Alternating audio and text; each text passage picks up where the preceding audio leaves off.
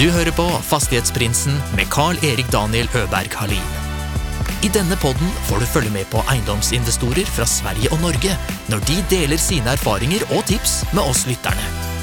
Gjestene er alt fra småbarnsforeldre med sin første enhet, til de mer etablerte haiene. God fornøyelse. I ukens episode forteller en av Norges fremste eiendomsadvokater om spennende prosesser og oppgaver som tar opp hans våkentimmer. Her er en driftig mann med mange boller i luften, og vi kommer blant annet inn på co-living, rådgivning, proptech, utvikling av Fornebuporten og mye, mye mer. Her er det en veldig god episode for en eiendomsnerd som meg. Så er du lik som meg, så er det bare å lene seg tilbake og lytte inn partner i advokatfirmaet Hovin, Henrik Botten Taubel. Tusen takk. tusen takk Det var kul å endelig få, få, få til denne treffen. Veldig hyggelig. Ja. Endelig på plass. Du er en mann med ganske mange strenger på din lyra innom eh, eiendomsbransjen. Det, det er riktig, ja. Ja, det er rett uttrykt. Det vil jeg til å si. Så jeg har jo snakket med eh, skal man si, din kollega Salman, eller eh, kollega og venn og Kollega og venn eh, jobbet eh, sammen med Unge Næringseiendom i WeWork. eh, Ja. Jobber jo sammen på saker fortsatt, så, så det er riktig betegnet. Og Der forsøkte jeg meg også på å prøve å summere opp hans karriere så langt med alle greier, og jeg mista vel ganske mye, så jeg skal prøve å miste like mye hjemme. Veldig bra. Men du, du er jo eh, advokat og, og har vært på både Bar Wiersholm og nå er du partner på, eh, på advokatfirmaet Hovin. Ja. Eh, og så har- du vært med som du sa, å starte opp eh, WeWork i, eh, i Europa? Eller Nord-Europa? Ja, Nord-Europa, jeg Ja. og Salman, Ja. med ekspansjonen. Ja. Det er jo jæklig eh, fett. eh. Det var morsomt. Det var morsomme tider. ja. Og så har du som sagt vært med i Unge Næringseiendom, og, eh, og så er det Proptech Norway. Mm. Eh, og sikkert mange andre spennende greier som eh, jeg har glemt. Ja, mye forskjellige ting, så Men det, det er en ganske lang og god eh, liste eh, og eh, spennende saker som vi kan snakke om eh, der. Mm. Ja, virkelig. Og det har jo vært eh, mye å ta tak i ting som du ser i bransjen som kanskje jeg tenker at kunne vært forbedret. Kanskje ting som, som burde vært der. Og så har vi jobbet mye med å, å utvikle, utvikle det. da Og det har vært, eh, vært morsomt, uh, syns jeg. Å være med å utfordre litt i, i en bransje som har vært eh, tradisjonelt eh, litt treg, og som nå er veldig i endring, da, og mye som skjer. Mm. Før vi hopper inn på det proptech-sporet, så så Du er jo advokat. Mm. Og har du alltid holdt på å jobbe med liksom, eiendomsrelaterte saker? Eller Ja, altså, Hvordan kom du inn på det spåret? Altså Jeg begynte i advokatfirmaet Bar eh, for, en, eh, for mange år siden og, og jobbet eh, med, med eiendom. Og, og begynte å jobbe med flere folk der, bl.a. en Stig Beck, som var på en måte på den tiden også kåret til som beste advokat i eiendom 20 år på rad. Og var på en måte veldig hyggelig person å jobbe med, og tok meg med på veldig mye saker. da Og, og gjennom det teamet der og arbeidet der, så jobbet jeg mye med eiendomstransaksjoner, selvfølgelig, men også etter hvert veldig mye eiendomsutvikling. da Var med på særlig med dette Fornebuporten-prosjektet med Aker. altså Dette er snakk om for lenge siden, men, men med et team der som var veldig eh, interessant. eh, Med folk som har gått videre til andre eh, spennende jobber. Og vi lærte veldig mye om utvikling. da Og så har jeg jobbet mye med eiendomsutvikling gjennom det. da mm. Og alltid hatt, eh, jobbet mye med med, med disse, type, disse type spørsmål da, i de jobbene jeg har hatt. Men hur kommer det seg liksom at man som advokat er veldig eh, inriktad og involverad, involverad i till exempel Fornebuporten? Eh, altså, Hvilken rolle er det man eh, har der? Altså Først så var det jo litt sånn eh, typisk at advokaten kom eh, hvis det var en tvistesak eller det var et problem. eh, Ja, for det er liksom litt så som, og så eh, tok det saken. Ja, Men etter hvert så har jo eiendomsutvikling særlig da blitt veldig eh, det er blitt mye juss involvert i det Ja. bildet. ikke sant? Skal jobbe med reguleringsplaner, få ting gjennom, snakke med de riktige personene. Mm. Og det var det vi innså når vi jobbet med, med Fornebuporten. Jeg jobbet med en som heter Maren Bjerkeng, som er nå eh, utviklingsdirektør i Aspelin Ram. Og, og hun var arkitekt i DARK, og jeg var liksom nyansatt eh, advokatfullmektig i BAR. Og vi hadde jo Altså Hele tomten ble jo kjøpt i 2012 eh, som en råtomt. Og eh, utviklet og solgt og, og regulert om og alt. Og bygget 100 000 kvadratmeter og vært ferdig i 2015. Så, så det var en utrolig rask prosess. Og Ja. da fant vi ut at veldig mye av det, det vi jobbet med, var?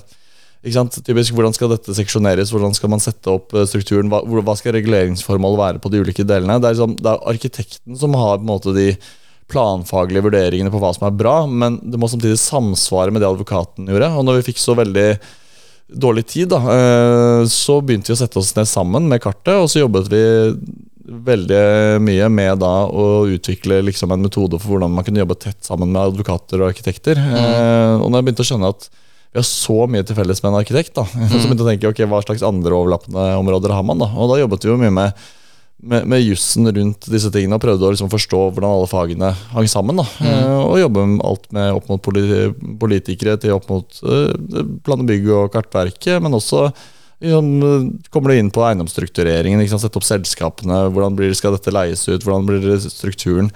Så, så advokaten har på fått en rolle hvor man, man binder mye sammen. da, eh, Og jeg holder mye foredrag som du sier, og jobber med mange initiativer, men jeg har alltid jobbet absolutt eh, mer enn 100% med, med juss, og jeg syns det er veldig spennende da, å Ja. jobbe med å utvikle det, det som et fag.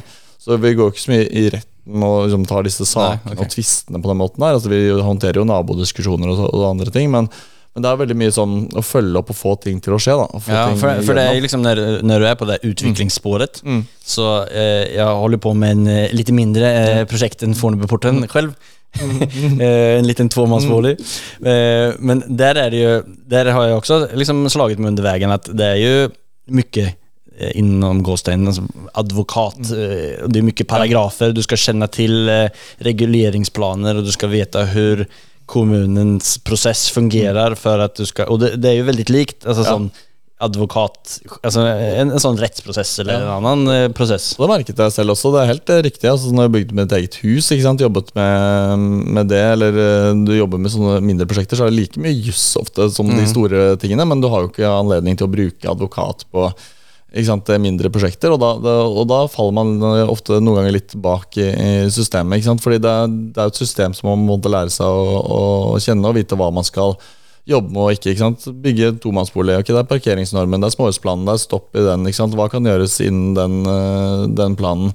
Det er jo det samme som de store utviklerne som skal bygge ut Smestad også se på, ikke sant? Mm. men bare på en annen skala Ja, er... og andre ressurser. Så, så det er eh, mye lignende eh, og tilgrensende problemstillinger. Så, så om det er bra eller dårlig at det blir mer juss i utvikling og eiendom generelt, det, det er jo et spørsmål. Men, men jeg tror nok i hvert fall at det er, det er, det har på en måte blitt et større marked for den type rådgivning. da. Hvilke er det som har vært den, eller som har haft den rollen tidligere? Altså Hvilke yrken er det Jeg tror det har vært veldig mye sånn arkitektene har drevet igjennom. De kjenner plan- og bygningsetaten, de kjenner kanskje noen i EBI, altså i Eiendom- og byfornyelsesetaten, håndterer håndtere dialog med bymiljøetaten, og så er det en eier som er litt sånn, litt sånn sterk, og så tar han det til politikerne, kjenner de riktige fol folka når de skal få det inn, og får eh, god vilje rundt eh, reguleringsplanforslagene. Eh, Og så har advokaten kommet mer og mer inn i dette her, da. For det er jo ikke bare å liksom fremme et reguleringsplanforslag, ikke sant. Eh, Vegvesenet vil ikke at du skal fremme det fordi det er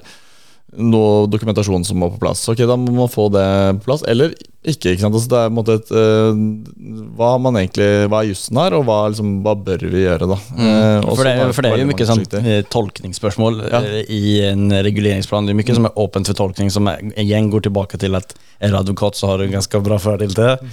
Ja, definitivt. Og det er det vi, man jobber mye med. Og, det, og når man jobber med et såpass stort volum av saker, da, ikke sant? de store utbyggerne jobber med sine svære prosjekter, men, men som advokat så er du innom 50-60 av de største prosjektene sant? på ulike vis, og ser på en måte praksis i alle de ulike sakene. Og man kan selvfølgelig ikke bruke det direkte, men sånn indirekte når du lærer du av veldig mange forskjellige prosjekter og har litt eh, god koll på hva som er best practice uh, i byen. da. Eh, og hvis du jobber med ti store reguleringssaker i, i Oslo by, så, så skjønner du liksom hvordan eh, man skal strukturere noe. Så det har vært veldig interessant å utvikle å være med å utvikle eiendomsutvikling som fag. Og det har vært mange som har jobbet med, med dette lenge, men det har vært mye som har skjedd der. Ja. Så har det vært mye spennende utvikling innen jussen med dette med rekkefølgekrav og utbyggingsavtaler, og nå snakker man om å eh, lage nye systemer for, eh, for å skaffe mer forutsigbarhet for, for utbyggerne.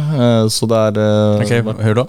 Nei, man har, man har disse rekkefølgekravene og utbyggingsavtalene. Altså, så kommer disse sakene opp med Entra og Selvåg, hvor, hvor Selvåg ble bedt om å lage en tursti som lå ganske langt unna av eh, det prosjektet de skulle ha. eh, og Som et eh, vilkår for å kunne bygge ut prosjektet sitt. eh, og de tok det til retten og vant jo frem i Høyesterett om at det var et ulovlig rekkefølgekrav, uten å gå inn på detaljene der.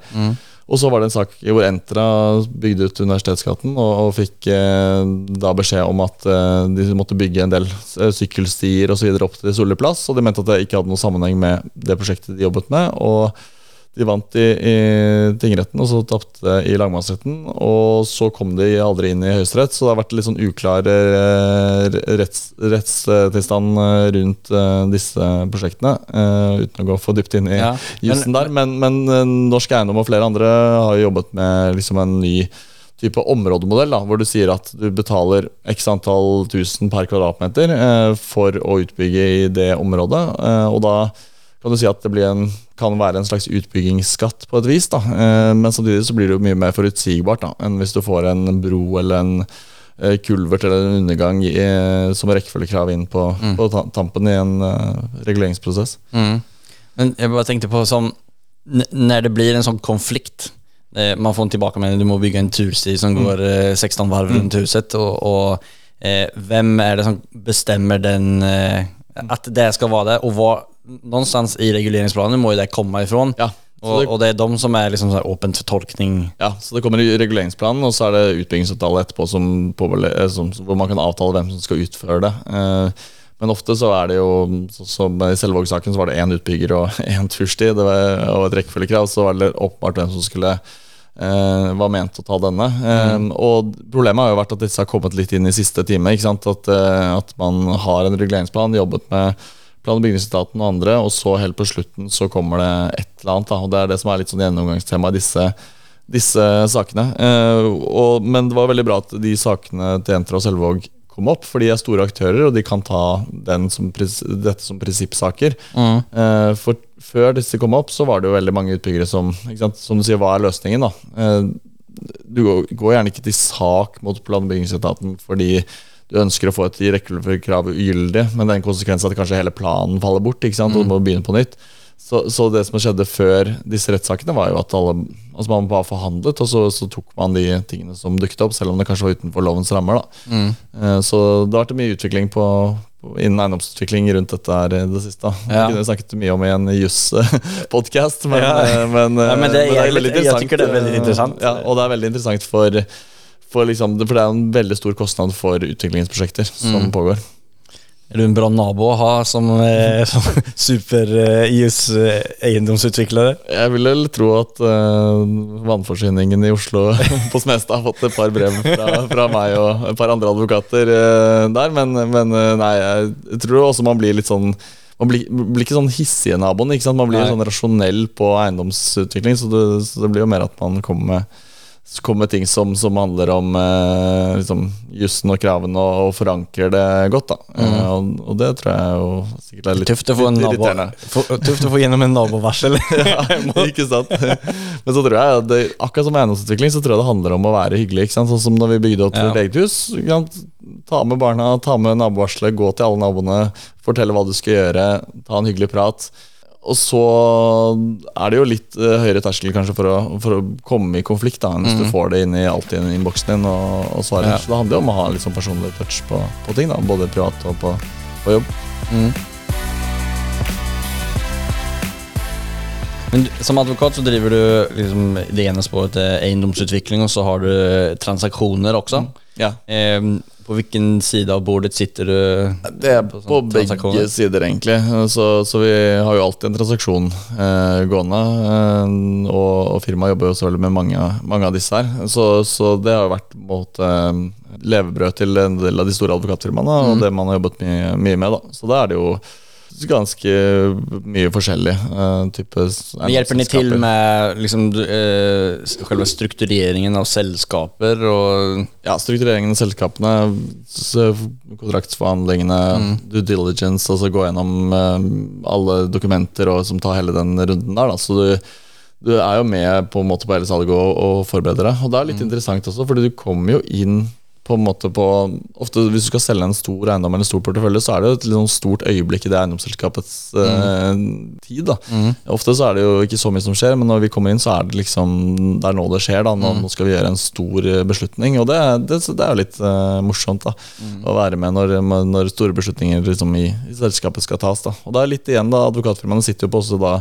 veldig mange sånne prosesser samtidig, så man lærer seg veldig godt hva som er ja, best praktisk. Du får liksom en veldig stor kunnskapsbas sitter du inne som rådgivere i, i, liksom i det samme Ja, man sitter som ja. rådgivere i mange ulike, ulike konstellasjoner. Da. Mm. Eh, så det er interessant. Og så jobber vi med alt mulig sånn så store leiekontraktsforhandlinger eh, og andre ting. Og så er det jo selvfølgelig det som vi har jobbet med det siste, ikke sant? Så type sånn um, jussen rundt sosiale boformer, uh, ja. leie til eie-modeller, mm. co-living. da, ikke sant? Mm. Hvordan skal du regulere det juridisk? Den kunne jeg og det har jeg hatt en egen podkast om, ja. men så, så, det kan Jeg har det som et eget punkt, så ja. vi ändå ramlet inn i men, det, det Men det er et veldig interessant tema, fordi, ja. fordi, når du begynner å tenke på innovasjon innen juss, eh, så tenker man eh, liksom på tech og sånne ting, men, men, det er jo innovasjon i forretningsmodeller som ofte mm. skjer. da og det er det jo snakk om f.eks. du skal ta co-living. ikke sant? Eh, du skal ha korttidsutleie av leiligheter, eller i hvert fall mer fleksible kontrakter, mm. og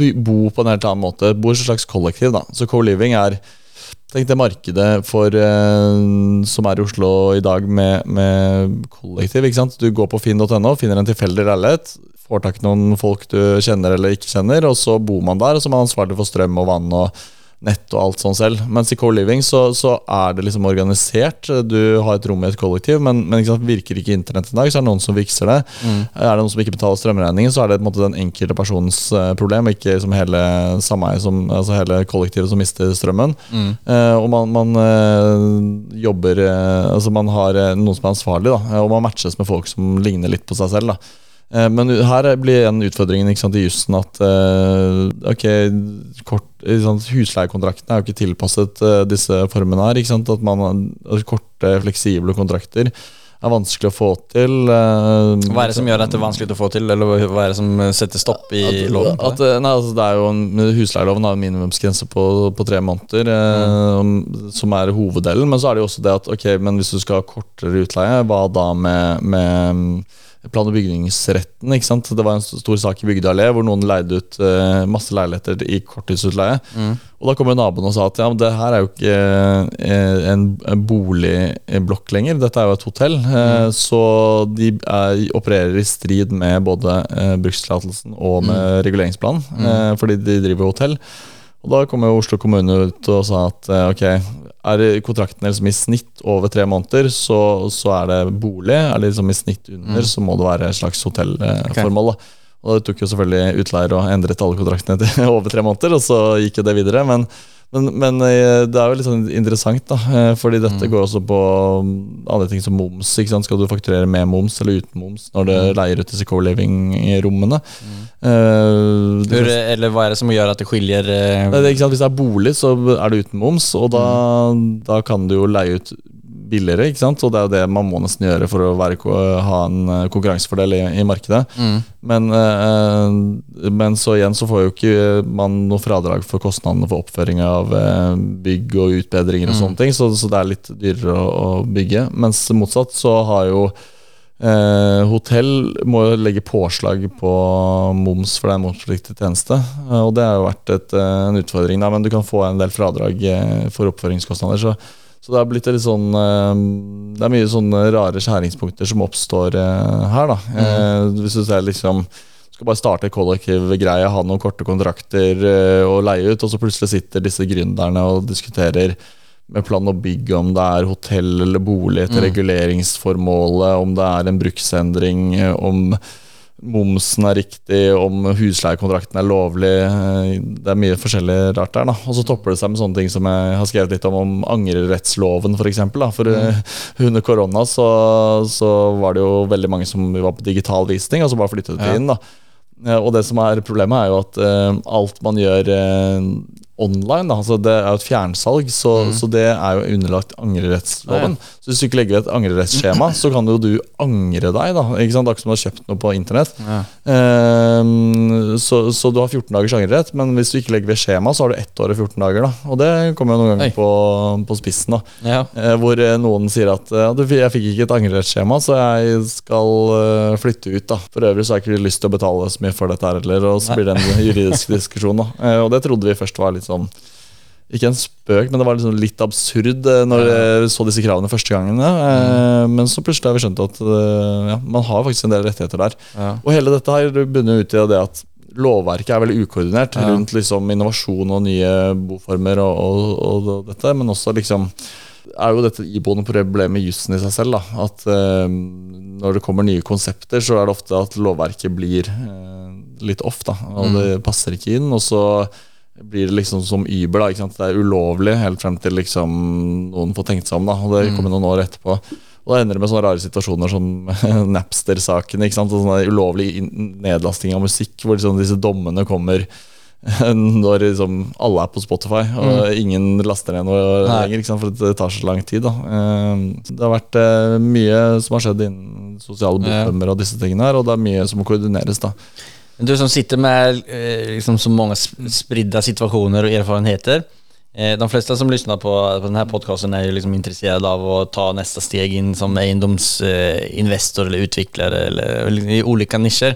Er det någonting som du ser eh, eh, seg ändrar sig på det sättet som det gjør. Eh, alltså, noen spesielle muligheter som det kan gå denne veien, og da er det, det her er det rette å gjøre. Jeg er jo ikke noen investeringsrådgiver, men Nei. jeg har jo sett at det har vært en veldig utvikling i utleiemarkedet. Ja. Eh, og du ser jo at Norsk Eiendom har laget en egen gruppe for å profesjonalisere utleiemarkedet. Og det har kommet mange plattformer som Unite Living og mange andre Mm. typer plattformer som profesjonaliserer liksom hvordan det oppfattes og, Mm. og drives. Og du har alle disse nye eh, forretningsmodellene med leie til eie og, og liksom, eh, disse type modellene. Og du har co-living, som er en måte modell. Altså, det er jo mye som skjer i det tradisjonelle bolig- og utleiemarkedet.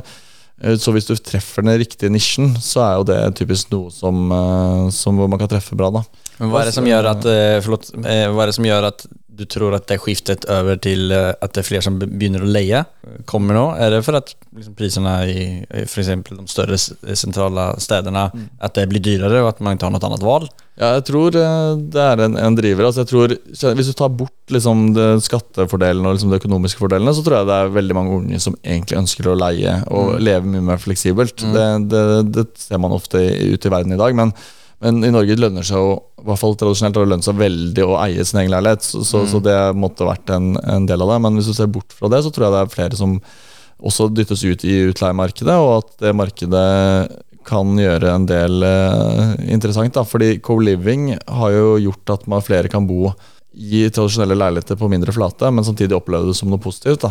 Eh, så, eh, så hvis, så lenge du lager, Det er som, akkurat som co-working, at man har flere folk på en mindre flate, og at de eh, likevel opplever det som at det er en bra, bra situasjon å være i. da. Eh, Så jeg tror nok det er noe å hente der, da, hvis man skal, eh, skal se på det. Og ellers så er det jo ja, eh, en god utvikling i det, det markedet. Mm. Men altså, i Sverige så er det en helt annen politikk, eller er, det, politik det er kanskje en, en, både politikk og historikk og vaner på folk og familie kan leie hele sitt liv uten mm. at det är så superstor grej. Mot Norge så er det jo litt mer sånn American dream, du skal eie ditt hus og Ja, og det har vært litt sånn stigma rundt liksom, hele familien leier i, i alle år. At er, altså, du må jo på et eller annet tidspunkt kjøpe. Ja. Sånn er det jo i, Norge. Og det har jo så veldig lønt seg også med prisveksten som har vært, og de fordelene som har vært rundt å eie bolig. Men, men det en Det har vært en endring der, da. Mm. Og så kan man jo se hvordan det utvikler seg. Men jeg tror det i hvert fall er en del muligheter i det markedet som ikke bare er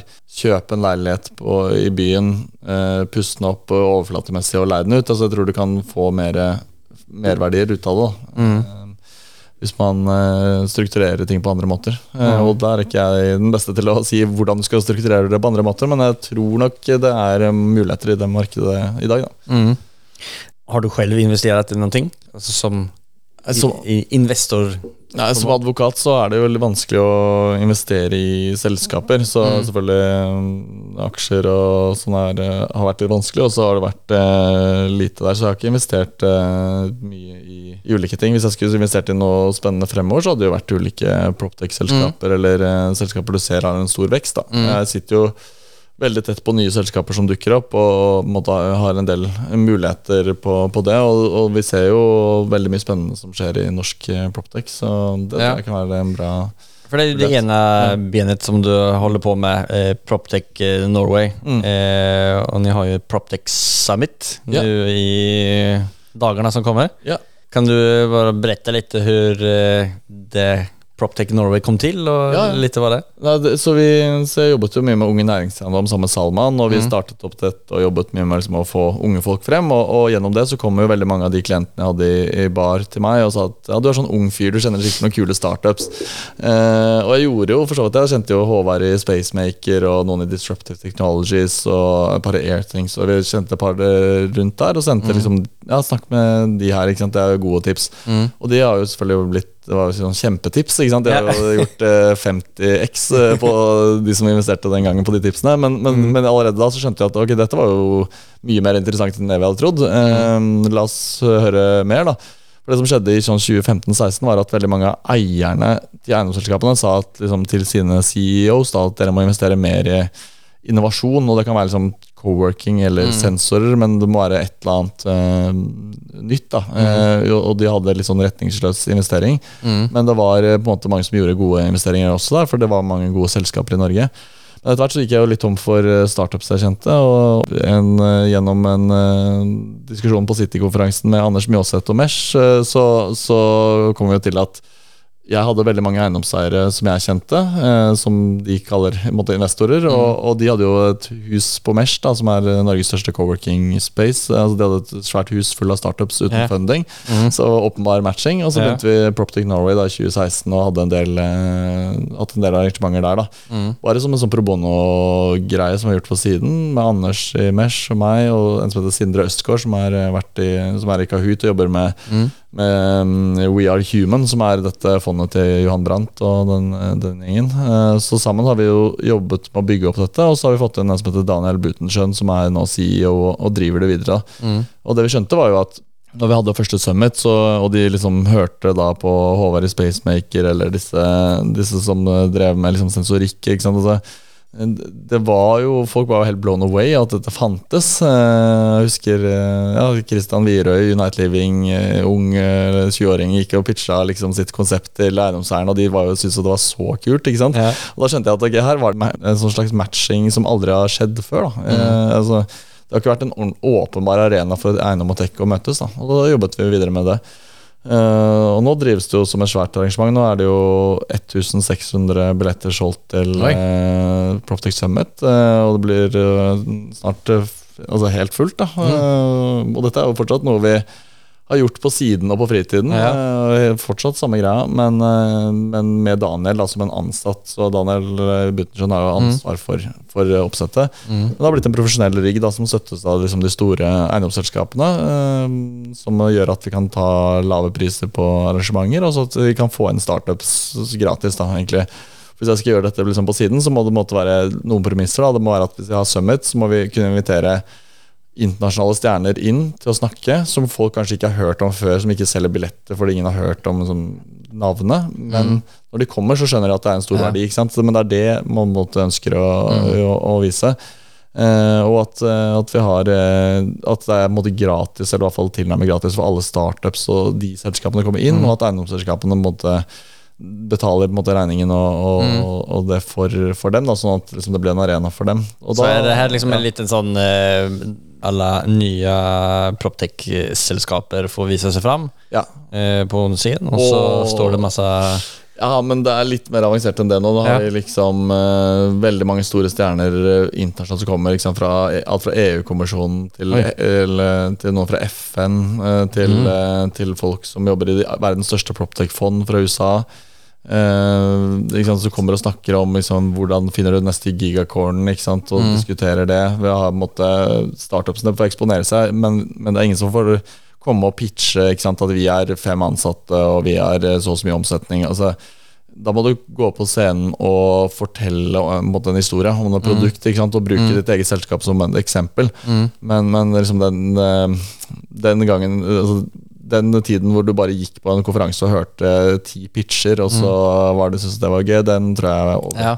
Så det er blitt uh, Det er litt mer sånn idéskapning Ja. og eh, informasjon og Ja, liksom. liksom, hva, hva kommer eh, de fra FN og Ja, hva, skal de, hva, hva det de skal Nei, De snakker om, dele om? eh, prosjekt som har vært støttet i Ålesund. Om smarte byer og, og hvordan de har laget en digital tvilling av hele Ålesund. Og, og jobbet mye med det. Og så får vi en, en som er Annie Cosgrove, som er fra WeWork-systemet, men som nå har begynt i en av USAs liksom, hotteste startups, som heter Density, som handler om hvordan du planlegger innendørs space på en optimal måte. Som er sånn forsker, liksom, og, og utrolig spennende. Men det er sånn folk som som de folk i Norge kanskje ikke har hørt om der, men når det kommer på konferansen, så ser man jo på en måte hva det innebærer. da Og, da, og det syns jeg har vært morsomt med Protect Norway. Og så har vi jo en del løpende frokoster og en del uh, ulike ting som, som pågår også, så mye, mye spennende som, som skjer der. Eh, Er det noen, det her PropTech, er det en, no- noen gruppe som hvem som helst kan være med i og delaktig i, eller hvordan fungerer det? Ja, altså det, Arrangementene kan jo alle delta i. Så Det er jo de store eiendomsselskapene som liksom, og, og fond eh, som har støttet det. Og så er det en del av disse, mm, disse startupsene som, som er med. Men da må du måtte være innen definisjonen av det vi mener er, er proptech. Da. Og det er liksom hoveddel tre ting. Altså det er enten at du driver med, med det som er liksom teknisk proptech, liksom. Altså sånn eh, typisk sensorikk og liksom disse smarte bygg, liksom. Eller smarte byer, som er veldig sånn eh, spot on, liksom det du tenker på på proptech. Og så har man jo veldig mye av disse som er sånn real estate fintech, som er typisk sånn nye plattformer, nye ting for å samarbeide. Ting som på en måte kan brukes i alle mulige industrier, men nå brukes i eiendom. Men også kan også brukes kanskje i et olje- og gassprosjekt. sant, Hvordan du skal eh, finansiere eller bygge opp nye plattformer osv. Og så har man jo det med, med liksom delingsøkonomi, da, sånn type Airbnb eller co-living, Ja, eller ja. eller selskaper som tar noe eksisterende og bare endre forretningsmodellen da, mm. i det. Så det er sånn- ja. er vel ganske, ligger litt bakpå transformeringen over til å anvende teknologi til ganske mye. Eller det er i Ja. vart fall mitt inntrykk eh, av, av samtaler samtal som jeg har haft fram til nå. Så Ja. er det mange som Det har vært veldig treigt. över... Nei, for det har vært veldig treigt eh, historisk, og nå føler jeg at eh, folk har virkelig tatt tak. Da. Så De siste tre årene så har det vært skjedd veldig mye. Men du ser at liksom, mediebransjen ble disrupta liksom, i 2010, og så kom fintech, altså finansielle tjenester og sånn i 2015, liksom. Og nå, nå skjer det samme i eiendom. Men, men, men i eiendom så har det også vært liksom, det, Du har et solid fundament. Da. Du har mye penger, du har eiendommer. Det er eh, Jeg fikk et spørsmål om liksom Jeg som har vært med lenge, i anførselstegn. Og det er mange av de selskapene jeg snakket om liksom, som har kommet og gått. Da? Mange som har blitt borte. Eh, og da jeg begynte å tenke meg om der, så er det jo veldig få som har blitt borte. da. Eh, De har jo kunder, og de har liksom noe fysisk altså, Man har et grunnlag for videre drift. Så det er ganske få selskaper som egentlig bare forsvinner, da, i motsetning til en blockchain-greie eller noe fintech. Eller, altså, det, disse tingene her er eh, kanskje Nå- mer flyktige. da. Norge har väl eh, fått fram en hel del ganske spennende selskap innom PropTech. Ja, veldig. Altså. Og det har eh, min mening Dette er ikke noe ytterligere backing for, men jeg, da oljeprisene falt i sånn 2014-2015, så var det veldig mange av de oljeingeniørene som jobbet offshore og jobbet med liksom pipeline engineering og sånn, som byttet jobb. da eh, Og en god kompis som har jobbet i et av de største oljeselskapene, mistet jobben og, og jobbet da med 3D-modeller under vann for å lage disse rørledningene ut i Nordsjøen. Ikke sant? Eh, som er construction, men som er på en annen måte. Og så ok, jeg må begynne å jobbe i et entreprenørselskap, da, og så kommer han på byggeplass, liksom, får alle papirene fysisk, og du kan bare tegne inn hva du mener at er riktig på disse bærebjelkene og sånn, og han fikk jo helt sjokk, ikke sant, og, og begynte å ta med liksom ideene fra offshore Ja. og inn, inn dit. da, Og hvordan det, det enkelte caset er en ting, men hvis du får veldig mange sånne folk som vet hvordan det kan gjøres, så inn så, så ble det en endring. da, og, og på den tiden så så vi jo Mersk, for eksempel. ikke sant, det hadde eh, de gikk befaring Dette er en YouTube-video fra- fra 2015 eh, hvor de, sånn, de går befaring på oljeplattformen da, med eh, sånne AR-briller. Og så har de hele oljeplattformen så er det lagt opp i en sånn BIM-modell. Og så tar de notater der og da eh, med sånne briller foran seg, og så sendes det liksom, legges inn i modellen og sånn. Ja, du Skulle du foreslått det på byggeplass nå syv år senere, så hadde det hørtes ut som sånn fremtidsgreie. Det der kommer alltid til å skje. Men det har allerede skjedd for liksom, syv år Mm. siden offshore. Så eh, Norge har nok hentet veldig mange flinke folk Ja. fra den offshore-industrien og fra eh, ingeniørmiljøene oppe i Trondheim osv. Som, som har vært veldig viktige for å drive det videre. Mm.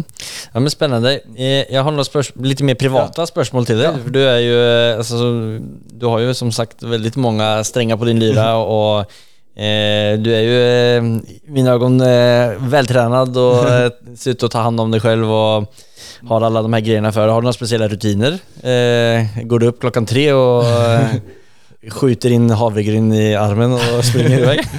Nei, ikke akkurat det, men, men det handler jo om, om en trening og med, med andre ting, og med, med typisk eh, med jobb, så handler det om liksom, consistency, altså om å gjøre ting jevnt over en lang periode.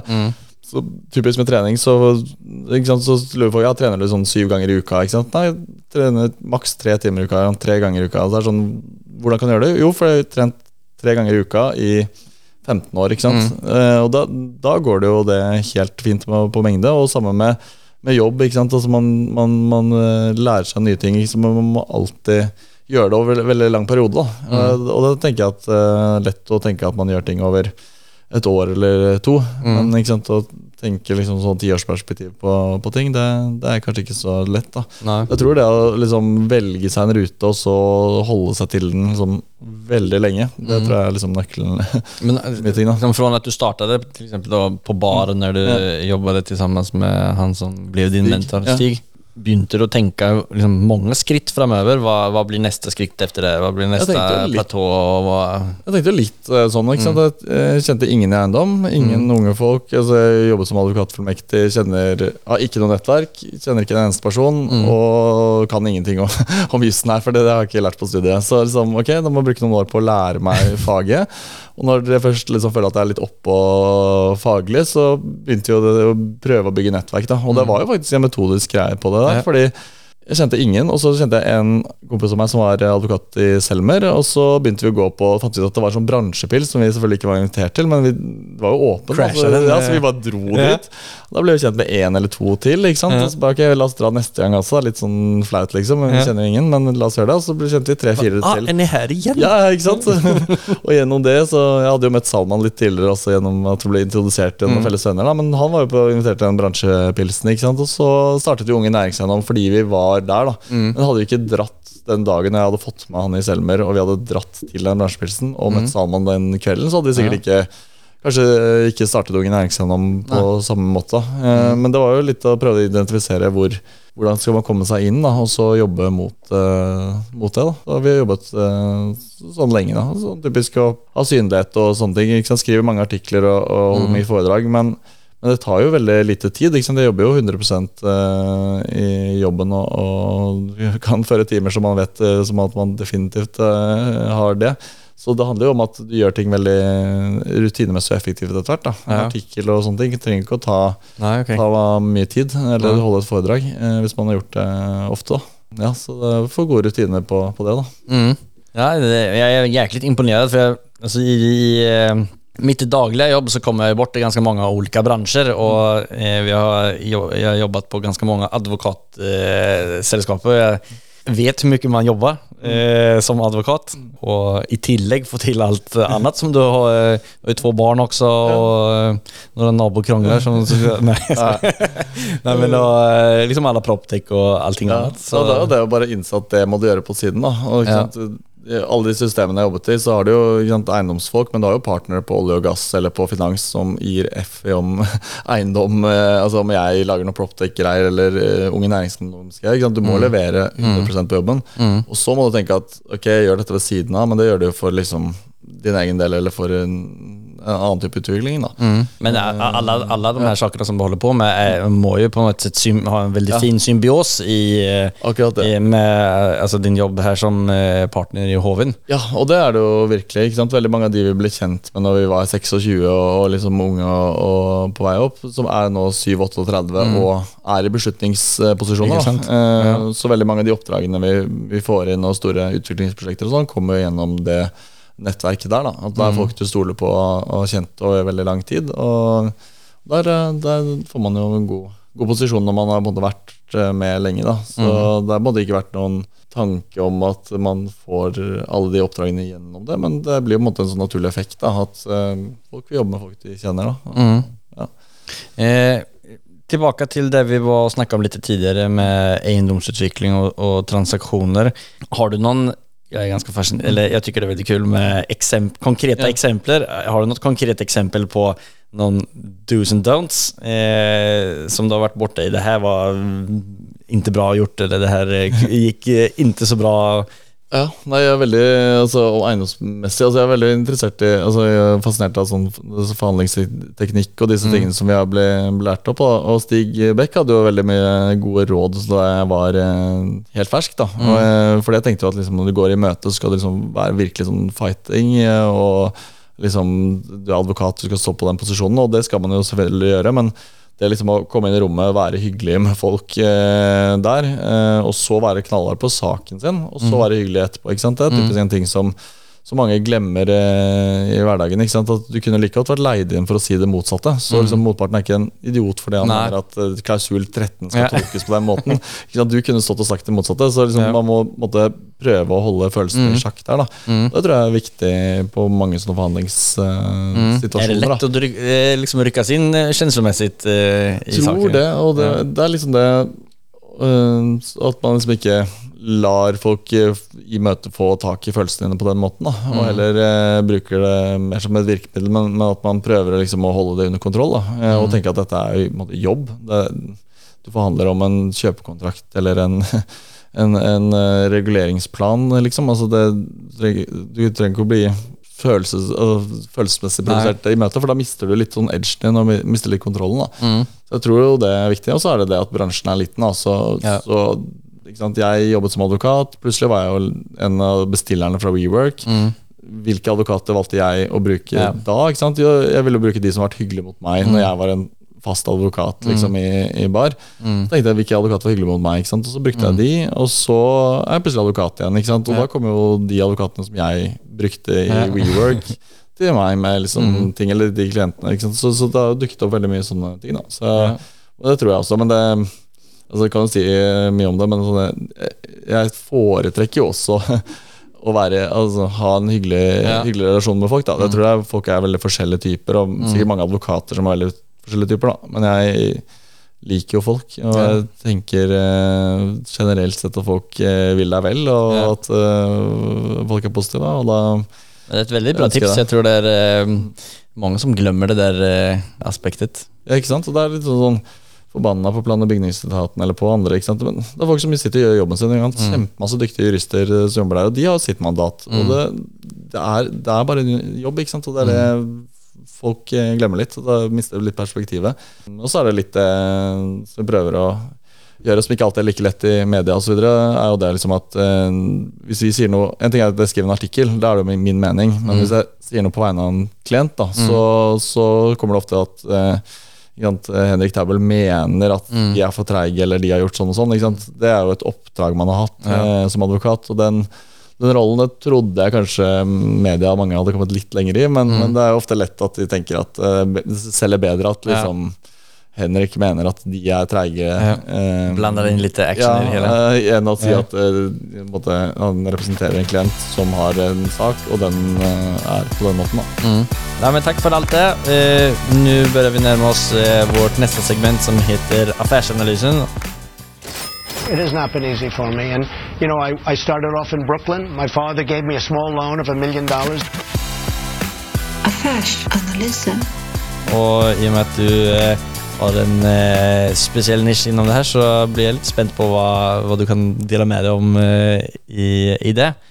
Nei, Det er jo interessant, og som advokat så kan jeg selvfølgelig ikke dele noe om de årene og tingene jeg jobbet med som advokat, eh, sier seg selv, men vi jobbet jo i, i WeWork med mye ting hvor, hvor vi forhandlet mye avtaler, og særlig når vi skulle åpne i København, så var det jo veldig interessant å se forretningskulturen der, da, for danskene var altså, virkelig noen steinharde forhandlere og noen luringer, da. Okay. Eh, og vi forhandlet jo en del co-working space eh, sam, altså, om de samme type lokalene da, i, i København sentrum. Eh, hvor også andre vi kjente fra Norge var interesserte. Eh, og, og da var det jo veldig interessant å se at de danskene spilte oss veldig opp mot hverandre og, og okay. liksom sa at de har sagt sånn og sånn, og de skal gjøre sånn og sånn. Men det de hadde glemt, var jo at veldig mange av vi co-working-aktørene kjenner hverandre. ikke sant? Så vi, vi eh, tok, eh, tok jo en øl og snakket om eh, liksom, hva, hva som ble sagt eh, der og da. Og da skjønte vi at de prøvde ofte å måtte lure oss på ting. da. Så, okay. så oppdaget vi at det var veldig store forskjeller mellom de ulike landene på forhandlingsteknikk. I Norge er det ganske ærlige.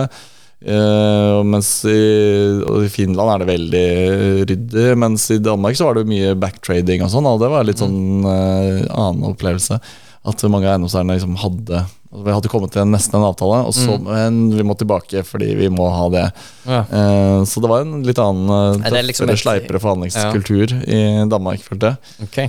Men du sier at i Norge så opplever du at det er eh, mye mer ryddet? Eiendomsbransjen er veldig fair, da. Eh, og det er ingen altså, Jeg skal ikke si det, da, men i hvert fall i den seriøse delen av Ja. eiendomsbransjen så er det ingen som lurer noen. da eh, Og hvis jeg snakker med en advokat på en annen side, og vedkommende sier at vi gjør det sånn og sånn, eller jeg tenker sånn og sånn, så, så, så, så regner jeg bare altså, Du stoler på at de ikke måtte prøve å lure deg på den, den måten. da For bransjen er litt for liten. da Si at du lurer liksom motparten, og så får du en seier på én sak.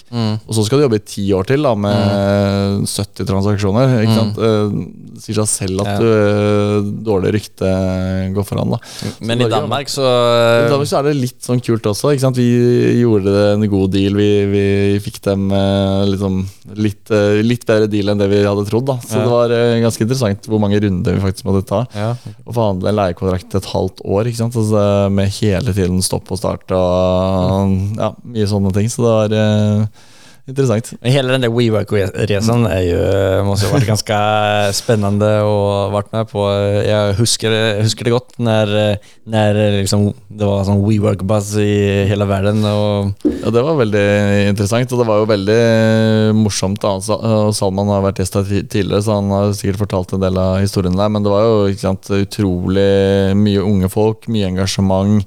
Eh, veldig spennende virksomhet å komme inn i. da eh, Alle gikk i T-skjorte og skulle liksom endre verden til det bedre. Og veldig sånn idealistiske. Så det var eh, var morsomt. Og I tillegg så hadde jo det en sånn veldig sterk Proptech-side som liksom var veldig underkommunisert, syns jeg. da med, med at man gjorde man tok veldig sånn datadrevne beslutninger da, på hvor, eh, hvordan man skulle bygge lokaler, hvor brede gangene skulle være, hva slags type lokaler man hadde. og Det var mye sånne ting. Så, så, WeWork hadde jo mange mer falsetter enn det som kanskje kom frem i, i media gjennom gründeren. da. ja, men takk for uh, det segmentet. Spennende resa der. Neste segment heter Fyra frågor, og det er de samme fire spørsmålene som vi stiller uh, vår gjest.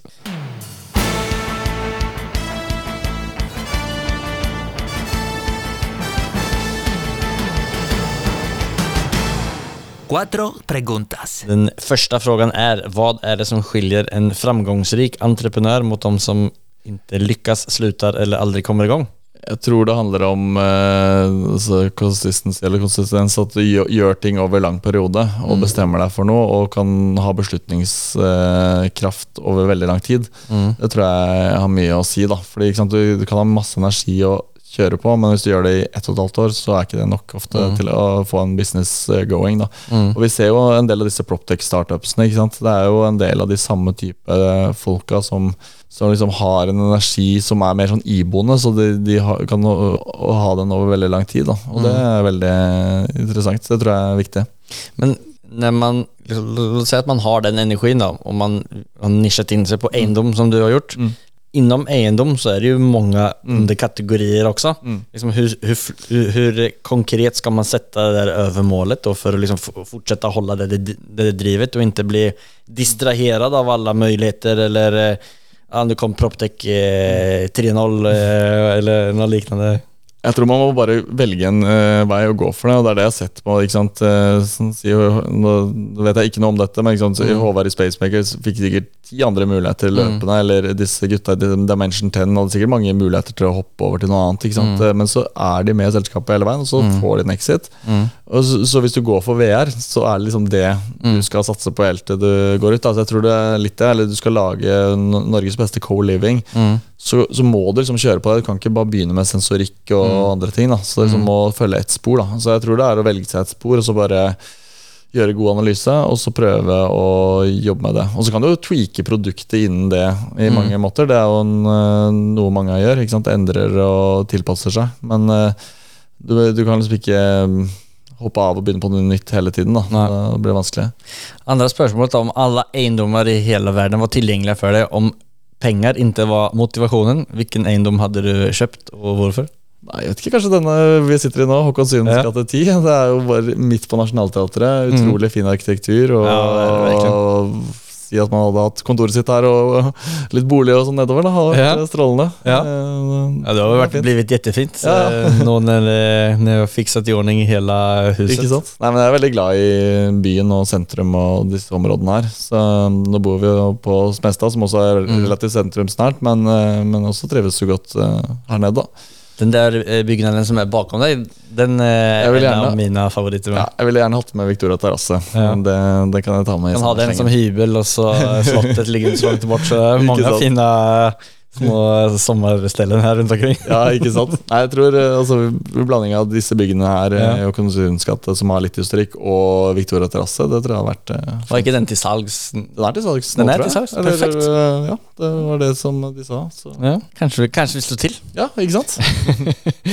Eh, har du noen bra boktips for en som er interessert i eiendomsinvestering? Eh, den beste boken innen eiendom jeg har lest, er jo 'Triumph of the City', som handler om eh, Edward Glacier, som handler liksom om hvorfor by, byutvikling gjør at vi blir smartere, mer miljøvennlige, og liksom ta alle tingene. da, hvorfor Boken handler om hvorfor byen er den beste oppfinnelsen man har kommet med. Da. eh, Og hvordan det er det eneste som måtte ha gjort verden bedre, og det som okay. endrer ting. Da. Så han går veldig langt i den retningen, men samtidig så syns jeg det er veldig interessante betraktningene han har altså rundt eh, sentrumsutvikling, byutvikling, og, og opp mot liksom FNs mål, klimamål som sier at over 50% av verdens befolkning må bo i byer for å nå de klimamålene man har satt seg. Da. Fordi Hvis folk blir for spredt, så, så klarer man ikke det. Eh, I tillegg til at eh, alt fra utdanningsnivå til alt blir jo veldig så konsentrert. Da. Han har mye interessante Hva heter han, sa du? Edward Glacier. Edward Og han har mange interessante observasjoner, bl.a. fra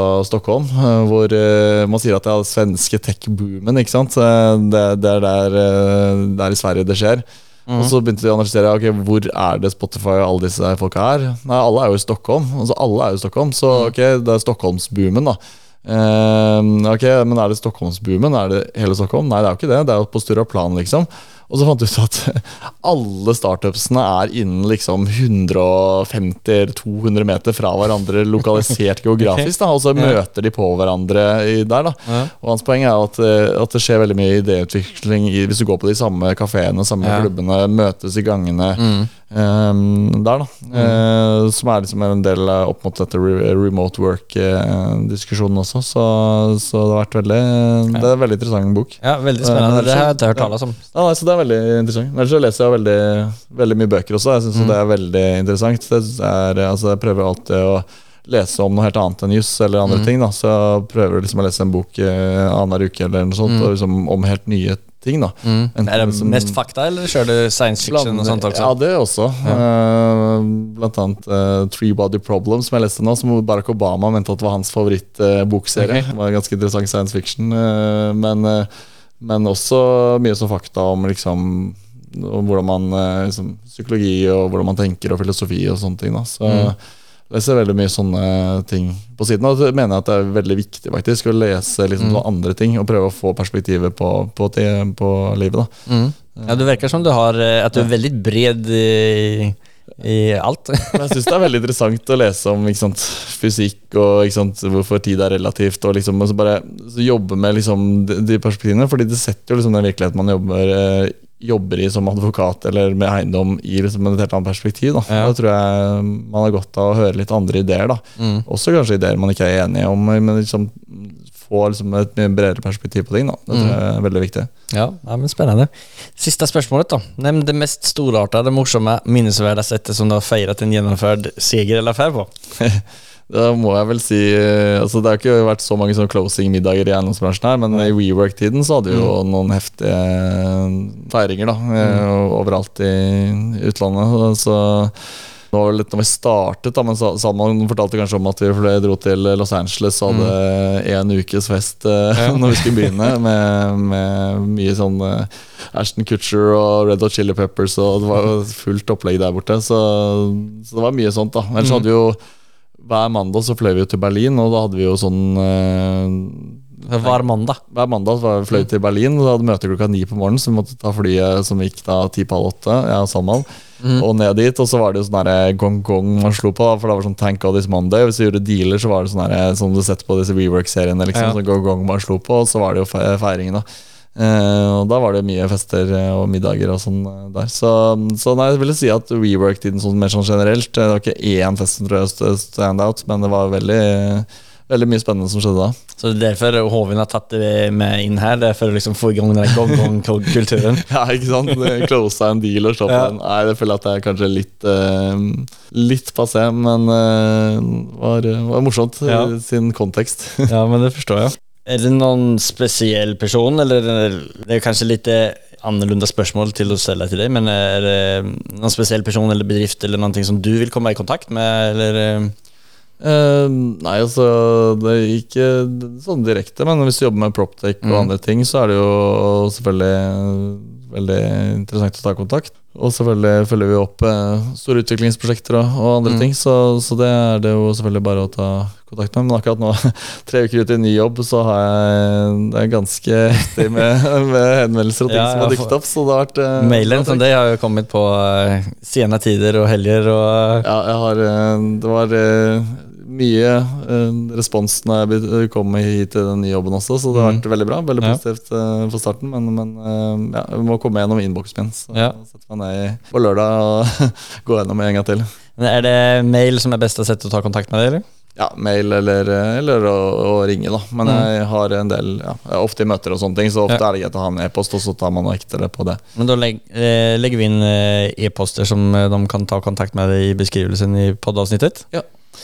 För vi ger oss eh, från, från det här fina samtalet. Om du hade fått passa vidare mikrofonen till någon branschkollega, eh, oavsett eh, vad det, vilket fag personen jobbar i, vem eh, hade det vært? Ja, altså Det er mange, men eh, Og Salman har jo vært der, som var litt on top of mind. Men jeg var med Anders Mjåstedt i Mesh, eh, Ja. som eh, driver Nordens største co-working space. Eh, du husker da Mary Kay, altså med hva heter det, William og Kate var i Oslo, så var, var planen deres å reise fra Buckingham Palace og møte Anders og på Mesh, og så var de og så på sett i Skam, og så dro de til liksom, Slottet. Og Anders hadde jo en rolle i disse gründerreglene liksom under covid, og snakket med politikere og jobbet veldig mye med sånne ting, og, og har veldig mange tanker om det. da, Ok. Så han er liksom Mr. Startup. Men har også kommet vel, mer og mer inn i eiendomsbransjen, da, fordi co-working har liksom gått for å være liksom sånn